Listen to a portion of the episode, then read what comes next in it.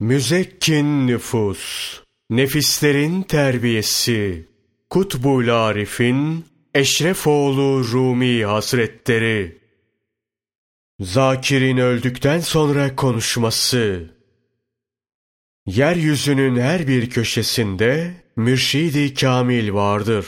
Hakka talip olanın sıtkının bereketiyle Hak Teâlâ onu mürşide iletir veya mürşidi ona gönderir.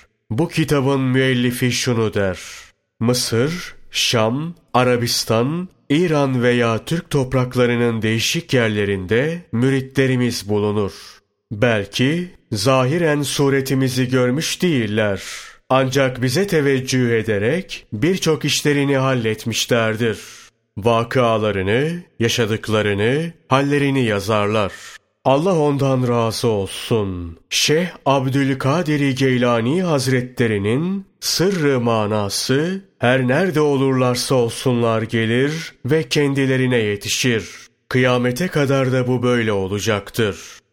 Talip özellikle bu kitapla amel ederse şüphesiz irşad olur. Hakiki mürşidi kamil, müridini ebediyen kimseye muhtaç bırakmaz. Zira bu mürşitler ölmez. Öldüklerini söylemek bilgisizliktendir. Evet, dünyadan ahirete göçer ama taliplerini arındırmaya devam ederler. Bunların tasarrufları hep görülür. Bu söylediklerimiz sana garip gelmesin. Bu mürşitler zikir ve sefa ehlidir. Ölüm zikir ehlinin sadece vücutlarına ilişir. Onlar için ölümde hayat vardır. Zikir ehli demek, gönlü dirilmiş demektir. Zira zikir ehlinin gönülleri zikrullahla hayat bulur. Kendileri de ebedi hayata kavuşurlar. Bir beyitte şöyle denir. Kime hayattan bir raiha erişirse, canının rengi ebedi bir ömür bulur. Raihanın çıkıp geldiği hayat, gönül hayatıdır. Gönlün dirilmesidir. Resulullah sallallahu aleyhi ve sellem zamanında zikir ehlinden olan bir sahabi vefat eder. Vefat eden sahabeyi yıkamak için ashabtan birçok kimse talip olur. Allah cümlesinden razı olsun. Hazreti Ömer, Hazreti Enes ve Hazreti Ebu Derda gibi birçok sahabi ben yıkayayım diye ortaya çıkar. Resulullah sallallahu aleyhi ve sellem bunların hiçbirine müsaade etmez. Bunun ehli vardır. Ehli yıkasın. Varın Selman-ı Farisi'yi çağırın. O şimdi dahi zikirle meşguldür buyurur. Allah ondan razı olsun. Selman-ı Farisi hemen Resulullah sallallahu aleyhi ve sellemin huzuruna gelir. Resul-i Ekrem sallallahu aleyhi ve sellem Ey Selman! Sen de ehli zikirsin. Bu zakiri sen yıka. Bu zakir aynı zamanda tecrid ehliydi. Sen de öylesin buyurur. Allah ondan razı olsun. Selman-ı Farisi'nin dünyalı kadına sadece belindeki futası vardı. Bu kadar her şeyden soyunmuş, vazgeçmişti. Allah ondan razı olsun. Hazreti Selman merhumu ortaya getirip yıkamak için hazırlık yaparken Resulullah sallallahu aleyhi ve sellem şöyle buyurur. Ey Selman! Merhumu tenha bir yere götür. Onu yıkarken bir perde ile gizle. Zira ölümlerinden sonra zikir ehlinin adete uymayan muhalif halleri ortaya çıkar. Bunları yalnız sen bilmiş ol. Başkası bunları görmesin. Allah ondan razı olsun. Selman-ı Farisi merhumun cesedini tenha bir yere götürüp soyar. Edep yerlerini bir bezle örtüp onu yıkamaya başlar.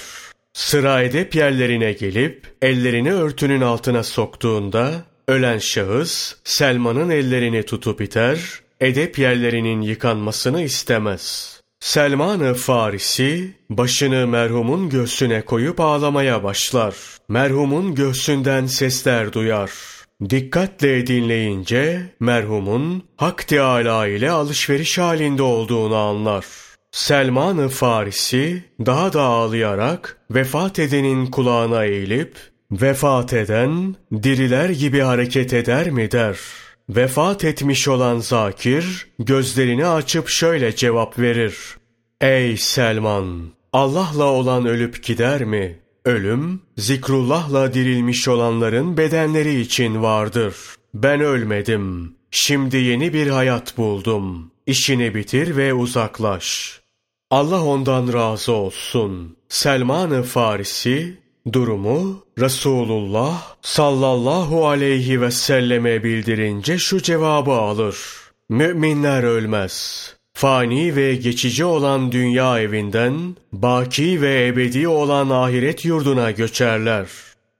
Ey aziz! Zikir ehli olmak isteyen, nefsani arzularının ve isteklerinin tümünden vazgeçip, nesi varsa bunları ardında bırakmalı. Öylece halvete girip oturmalı, zikrullahla meşgul olmalıdır.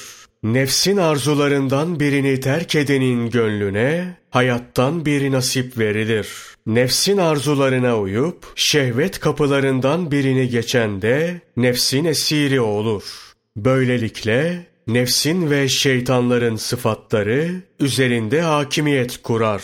Bu kişi bid'at ve sapık yolların kolları arasında şaşkın ve başıboş dolaşıp zarara uğrayanlardan olur. Allah korusun. Bu sebeple zikrederken boş düşüncelerden uzak olmak, gönlü sadece Allah'a vermek lazımdır.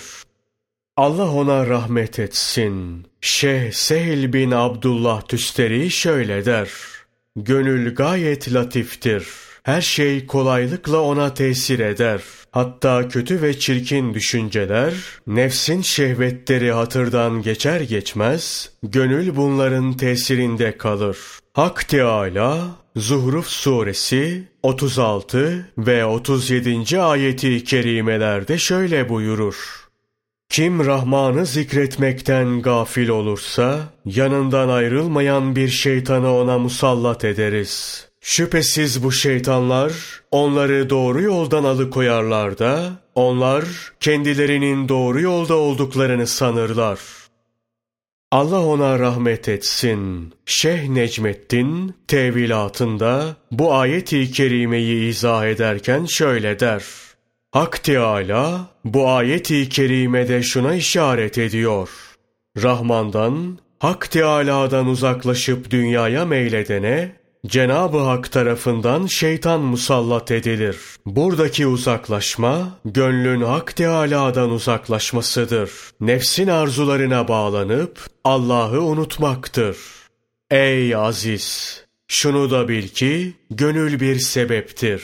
Asla gevşememesi gerekiyor. Nefs çok uyanıktır. Hiçbir zaman uyumaz. Şehvet ve arzularına kavuşmak, bunları tatmin etmek için hep fırsat kollar. Öyleyse nefse çok dikkat etmek gerekiyor. Gönül Allah'tan gayri hayallerden korunmalıdır.